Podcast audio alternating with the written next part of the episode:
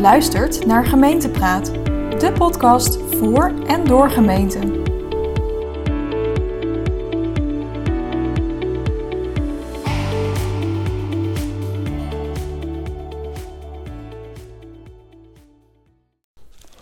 Joost Parre, inmiddels al 20 jaar werkzaam in gemeenteland. En jij omschrijft jezelf ook wel als een realistische idealist. Dat vraagt om een uitleg. Wie is Joost en waarom moet deze podcast er komen? Een realistische idealist. Ja, zo typeer ik mezelf inderdaad. Ehm, het idealisme heeft er van jongs af aan ingezeten.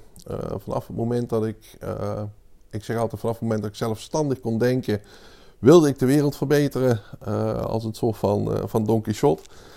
Door de jaren heen erachter gekomen dat je het met idealen alleen niet haalt. en dat daar een stuk realisme bij hoort. En in de afgelopen twintig jaar heb ik dat in gemeenteland opgebouwd. Heel bewust gekozen voor een carrière in gemeenteland, of althans als consulent in gemeenteland, om mijn voeling te houden bij uh, maatschappelijke ontwikkelingen en uh, daar iets in te willen betekenen. En het realisme is er uh, door de jaren heen ingebakken. En ineens werd je wakker en je dacht: het moet, moet anders. Er moet een podcast komen. Ja. De reden waarom dat ik uh, uh, graag wilde dat er een podcast, podcast kwam, is het feit van. Um, ik denk dat we met elkaar veel meer het uh, eerlijke gesprek moeten gaan voeren over waar willen we naartoe en eigenlijk heel plat gezegd wat werkt er wel en wat werkt er niet. En dan met name van waarom werken dingen wel en werken dingen niet. uiteindelijk in gemeenteland hebben we wat mij betreft één taak voor ons en dat is het eh, bedienen van de inwoner. En die moet centraal staan. En ik zie in praktijk dat we daar steeds verder van afdrijven. En je ziet dat als een soort van uh, nou ja, landelijke ontwikkeling bijna. Je, hoort, je hoeft de krant maar op te slaan of het nieuws te beluisteren. En het gaat over de kloof tussen de burger en de politiek. Nou ja, en ik denk dat we die moeten, gaan, moeten gaan slechten. En ik hoor jou eerder, uh, als ik jou spreek, ook altijd over missie en visie bij gemeenten. Ja. Gaat het daar mis? Nou, ik denk wel dat dat de basis is uh, waar, uh, waar het mis is gegaan. kijk, voor mij is het heel simpel. een missie wordt vaak als een heel groot en wollig iets gezien. en ik denk dat je die heel concreet moet maken. Ik denk dat voor elke gemeente in Nederland de missie zou moeten zijn de inwoners zo optimaal mogelijk te helpen. Daar ben je voor.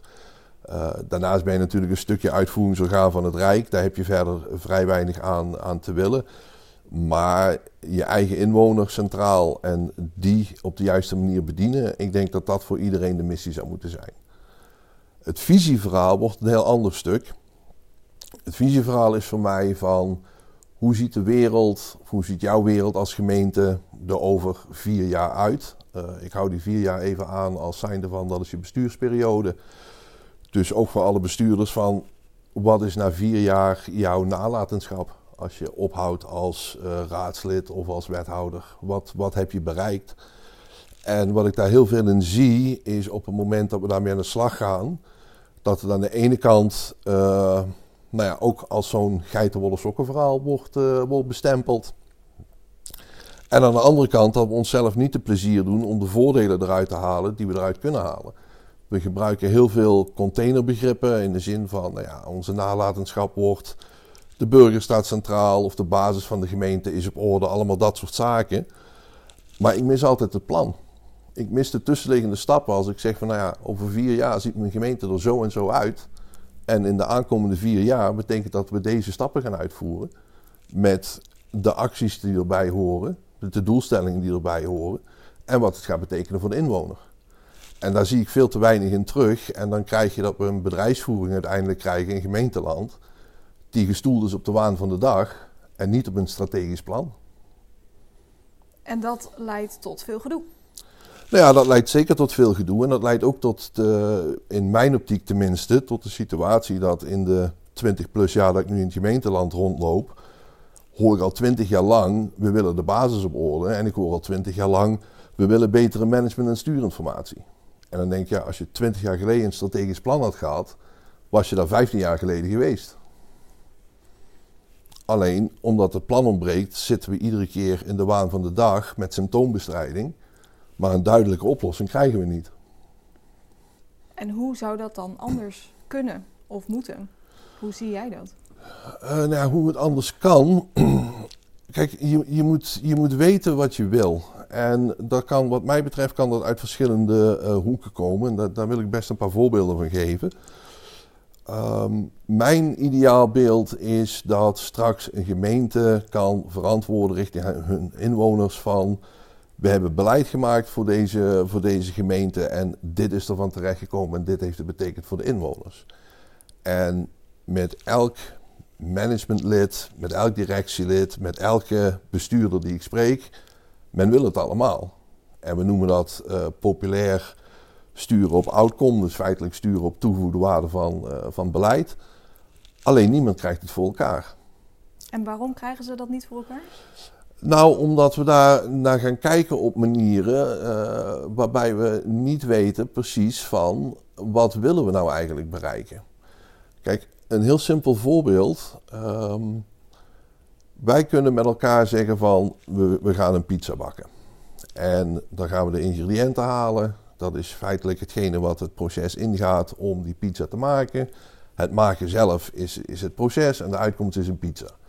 Nou, dan hebben we een output. Vervolgens wordt geredeneerd, nou ja, en de outcome, dus de toegevoegde waarde, is dat we met een aantal mensen gezellig die pizza gaan zitten opeten en we hebben een topavond. Alleen wat daarbij vergeten wordt, is dat je als je op die manier aanvliegt, je de input die je nodig hebt voor dat sturen op dat resultaat, die heb je helemaal overgeslagen. Daar hebben we het helemaal niet over gehad. We hebben alleen maar die pizza gemaakt. We hebben het er niet over gehad van wie willen we uitnodigen, waar gaan we hem eten. en wordt dat wel zo gezellig met die mensen? En wordt dat wel zo gezellig, precies. ik weet in mijn eigen vriendengroep, als ik een paar mensen bij elkaar zet en ik ga daarbij zitten uh, en we gaan die pizza eten, ja, dan wordt alles behalve een gezellige avond. Dan ben ik heel benieuwd naar welke Nou ja, goed. Ik denk dat iedereen wel weet dat in elke, in elke groep mensen zitten er uh, uh, die elkaar beter kunnen leiden of minder goed kunnen leiden. En, maar zo geldt het natuurlijk ook voor als je beleid maakt. Als je alleen maar zegt van oké, okay, dat beleid gaat iets opleveren en daarna gaan we kijken van wat heeft dat gerealiseerd. je moet eerst van tevoren weten wat je wil. En, en is, is dat die ontbrekende visie, bedoel je dat? Ja, daarmee maak je niet de juiste, uh, voor jezelf niet de juiste afwegingen en de juiste stappen. Kijk, het is ook gewoon een heel simpel feit dat in de meeste gemeenten 80% van je inwoners heeft de gemeente niet nodig. Die komt voor een paspoort, voor een rijbewijs, eventueel een reisdocument en dat is het. Nou ja, dan heb je dus inwoners die eens in de vijf jaar of eens in de tien jaar aan de balie staan. Die andere 20% heeft je keihard nodig. Want wie zijn dat? Nou, dat zijn de mensen die in de bijstand zitten, die de huishoudelijke hulp nodig hebben. Uh, de mensen die in, in de armoedeval terecht zijn gekomen onlangs met de hele energiecrisis, uh, dat soort zaken. Dus we zouden ook veel meer dat naar doelgroepen moeten gaan specificeren. Wat gaan we bereiken voor wie? En voor wie is het, het, het beleid wat we maken eigenlijk bedoeld? En hoe gaan we dat uiteindelijk verantwoorden wat dat beleid heeft opgeleverd? Maar ergens, want ik hoor dan in jouw verhaal dat ergens uh, gaandeweg is die hele inwoner van de radar verdwenen? Of is dat iets te zwart-wit? Nou, dat is te zwart-wit. Kijk, ik denk dat we nog altijd uh, uh, met de beste wil van de wereld die inwoner willen helpen. Alleen, we organiseren het heel gebrekkig. En dat gebrekkig organiseren heeft er alles mee te maken dat we de structuur van de organisatie loslaten. En hoe dat we een organisatie moeten inrichten. Maar we zijn veel meer bezig met van oké, hoe gaan we de organisatie aansturen? En dan krijg je van uh, een voorbeeld van die aansturing, van we willen van uh, bottom-up moeten de ideeën komen. Uh, dat kan een manier zijn, je kan het top-down doen, hè? de directie die, die geeft het allemaal aan. Maar als je naar de structuur gaat kijken, elke organisatie heeft drie lagen, een strategische, tactische en operationele laag. En elke verandering die je wil initiëren, of elk beleid dat je wil initiëren, moet bovenin zijn draagvlak hebben en moet daar tot stand komen. En vervolgens via de andere lagen naar beneden toe en operationeel gemaakt worden. Maar waar we heel sterk in zijn geworden is om te zeggen van nou ja, als het bijvoorbeeld van, van bottom-up moet, omdat we het dan hebben over zelfrealisatie van mensen en allemaal dat soort zaken dat we eigenlijk die hele, die hele koppeling van die structuur en die logica los hebben gelaten. Terwijl dat nou juist de structuur is die zegt van oké, als jij strategisch iets wil, wat betekent dat voor het totaal van je organisatie? Wie zijn er allemaal bij betrokken? Wat zijn de stappen die we gaan zetten? Nu zie je dat gemeentes nog heel erg verzuilde organisaties zijn die op eilanden werken. Met als gevolg dat een afdeling samenleving, die doet iets met de beste wil uh, van de wereld, gaat bijvoorbeeld daar ook een applicatie voor aanschaffen. Maar het eiland ICT, nou ja, dat, is, dat ligt niet naast de deur, dus daar gaan we niet meteen mee in gesprek. En we krijgen een applicatie die nergens meer koppelt. Op ons IT-landschap bijvoorbeeld. Terwijl dat ook allemaal veel makkelijker georganiseerd had kunnen worden. Terwijl we misschien zelfs al applicaties in huis hadden die het konden. Al dat soort dingen, al die ontbrekende logica zorgt ervoor dat we in de bedrijfsvoering een situatie van een kind met een waterhoofd zitten te creëren. En dat is lastig, want uiteindelijk gaat dat ten koste van je tijd, energie en je geld die je voor je inwoners zou willen inzetten. En dan komt er ook nog eens een ravijnjaar op gemeente af. Dat is ook een hele mooie. Die sluit er eigenlijk gewoon naadloos op aan. Kijk, dat ravijnjaar. Gemeenten weten van, er komt een situatie op ons af dat we minder geld gaan krijgen. Algemene uitkering gaat voor een stuk omlaag. En we moeten wel dezelfde dingen blijven doen zoals we ze altijd deden. Daar kan je op twee manieren eh, reageren wat mij betreft. Aan de ene kant kan je zeggen van ehm, we gaan de lobby naar het Rijk sterk maken dat die bezuiniging niet kan en dat er geld bij moet. Dat is één weg. En dat is ook een weg die, die je ook moet bewandelen. Maar de weg die ik veel minder bewandeld zie is, en ik ben zelf daar nog wel een voorbeeld van, uh, dat ik altijd nog wel eens bout wil roepen van ik kan elke gemeente om een jaar tijd 15% efficiënter laten werken. Nou ja, dan vraag ik me altijd af, waar is de gemeente die op de stoep staat om te zeggen van bewijs het maar, want ik heb die, die kostenbesparing ook keihard nodig zometeen. Maar we blijven met symptoombestrijding aan de gang. Nou ja, daardoor wordt het nooit beter. En voor iemand die de wereld wil verbeteren, is dat best frustrerend, kan ik me zo voorstellen. Nou, dat is, dat is zeker frustrerend. Kijk, uh, we zitten nu in een situatie, uh, onlangs is uh, de wetgeving veranderd, of althans onlangs. Het was al lang aangekondigd dat de financiële rechtmatigheid er kwam. Is een x aantal jaren uitgesteld. Sinds 1 januari 2003 zijn gemeenten verplicht om de financiële rechtmatigheid door het college te laten verantwoorden. Maar alle aandacht gaat op dat moment, of op dit moment, daar naartoe. En wat wil de financiële rechtmatigheidsverantwoording zeggen? Nou, die wil zeggen dat we het geld, het gemeenschapsgeld, dat we dat uh, zorgvuldig hebben uitgegeven. Dat we voldaan hebben bij de regelgeving. En dat we met inkopen de aanbestedingsregels hebben gevolgd. Nou, allemaal dat soort, dat soort dingen. Terwijl ik me dan afvraag van ja, nou zeggen we, uh, nou laten we een wet komen die daarop moet gaan toezien. Maar we laten voor het gemak achterwege dat we niet hoeven te verantwoorden of het geld zinnig is besteed. Nou, dat vind ik bijzonder vreemd. En dat is dan weer juist dat hele verhaal van wat eigenlijk alle gemeentes willen, wat ik net zei, over dat sturen op die outcome, op die toegevoegde waarde van beleid. Nou, dat zou het verantwoorden zijn van dat je het geld zinnig hebt uitgegeven. Dus die, die wens is er wel, dat ze uh, het willen kunnen verantwoorden, dat het zinnig is uitgegeven.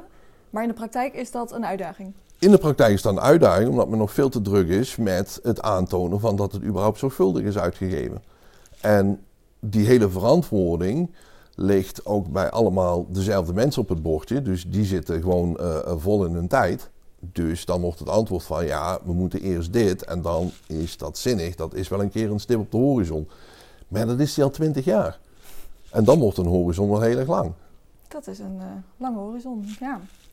En jouw doel is om die horizon dichterbij te halen. Van joh, laten we ja. nou eens echt anders gaan doen. We Want moeten het, het anders doen. Eens.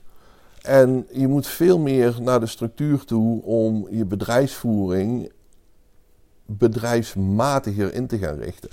Kijk, een van de dingen die, die mij wel eens wil uh, frustreren, is gemeenten hebben er dan een handje van om te zeggen van ja, maar we zijn geen bedrijf.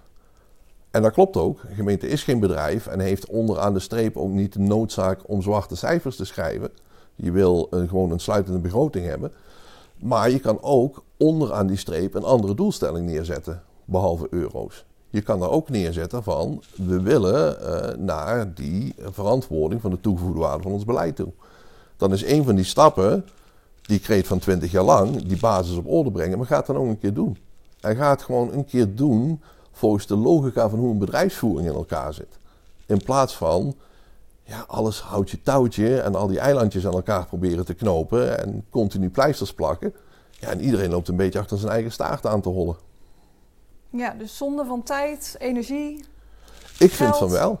Ja, dus er is ruimte voor verbetering. Er is zeker ruimte voor verbetering. Het enige wat, wat vervelend is, het is een vrij confronterende boodschap. En niet iedereen wil die meteen horen. Ja, want als ik jou hoor zeggen van hé, hey, ik kan jou uh, 15% laten besparen, dan sta ik nu nog bij jou aan de voordeur te rammelen van joh, Joost, regel het. Als je een commercieel bedrijf bent, wel ja. Ja, maar jij ziet, ja, bij gemeenten is dan toch die urgentie anders. Ja, kijk, een, een, een, een, in mijn beleving een heel simpel voorbeeld.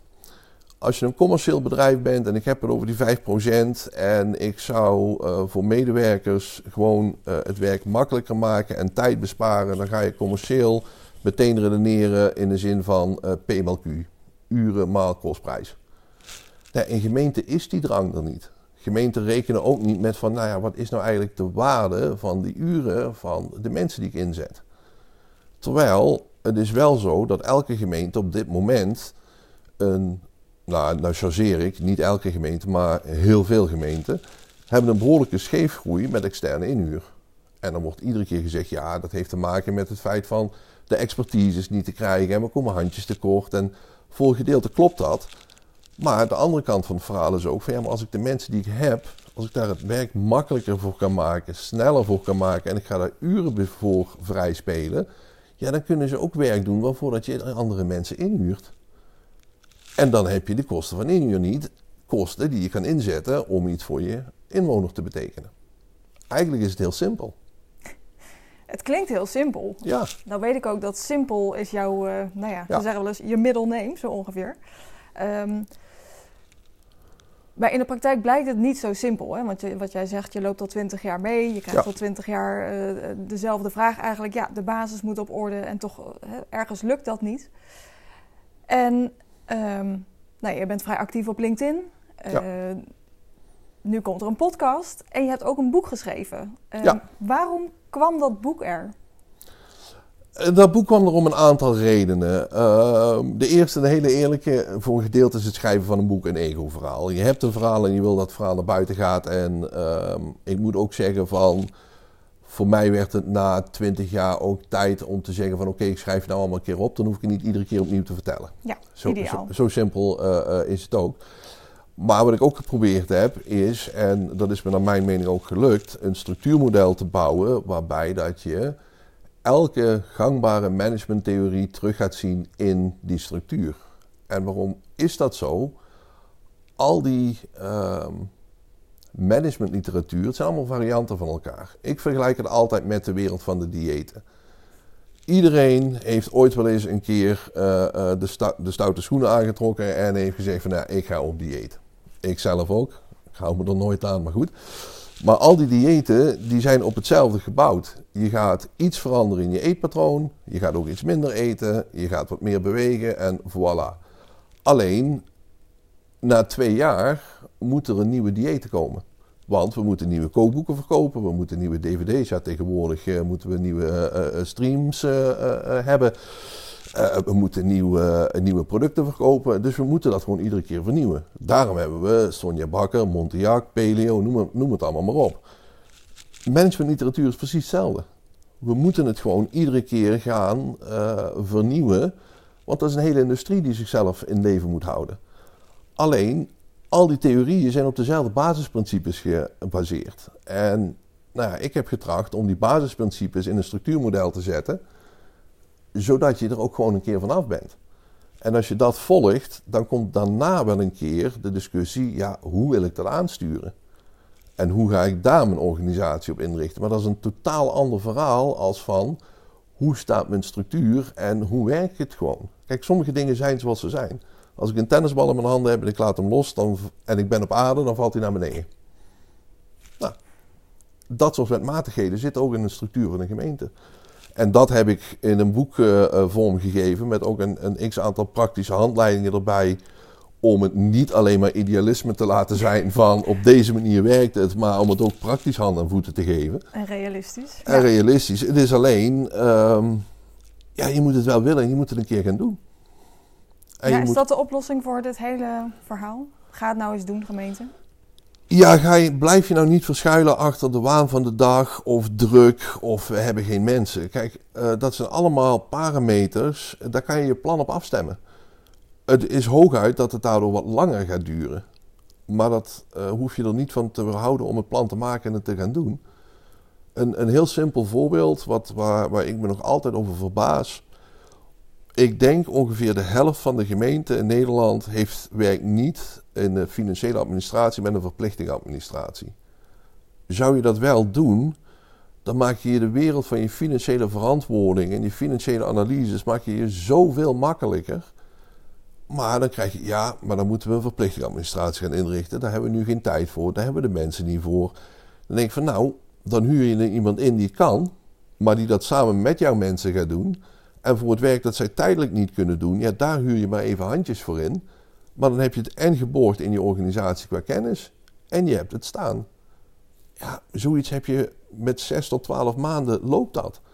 En daarna bespaar je zoveel mensen zeeën van tijd dat je de luxe krijgt om na te gaan denken van oké, met welke stappen gaan we nu verder? En dat is, dan is dit maar één voorbeeld en zo zijn er legio te bedenken.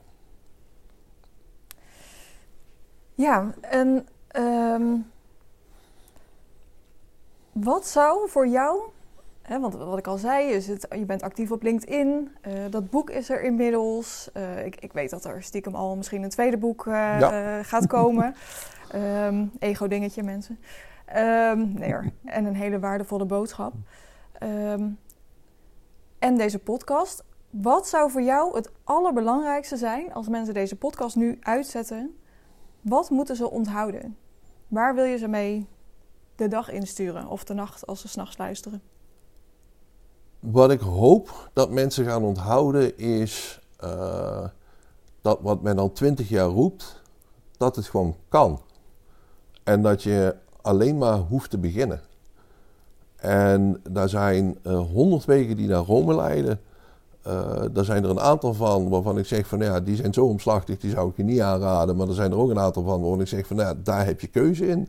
Dat heeft alles te maken met je sturingsmodel.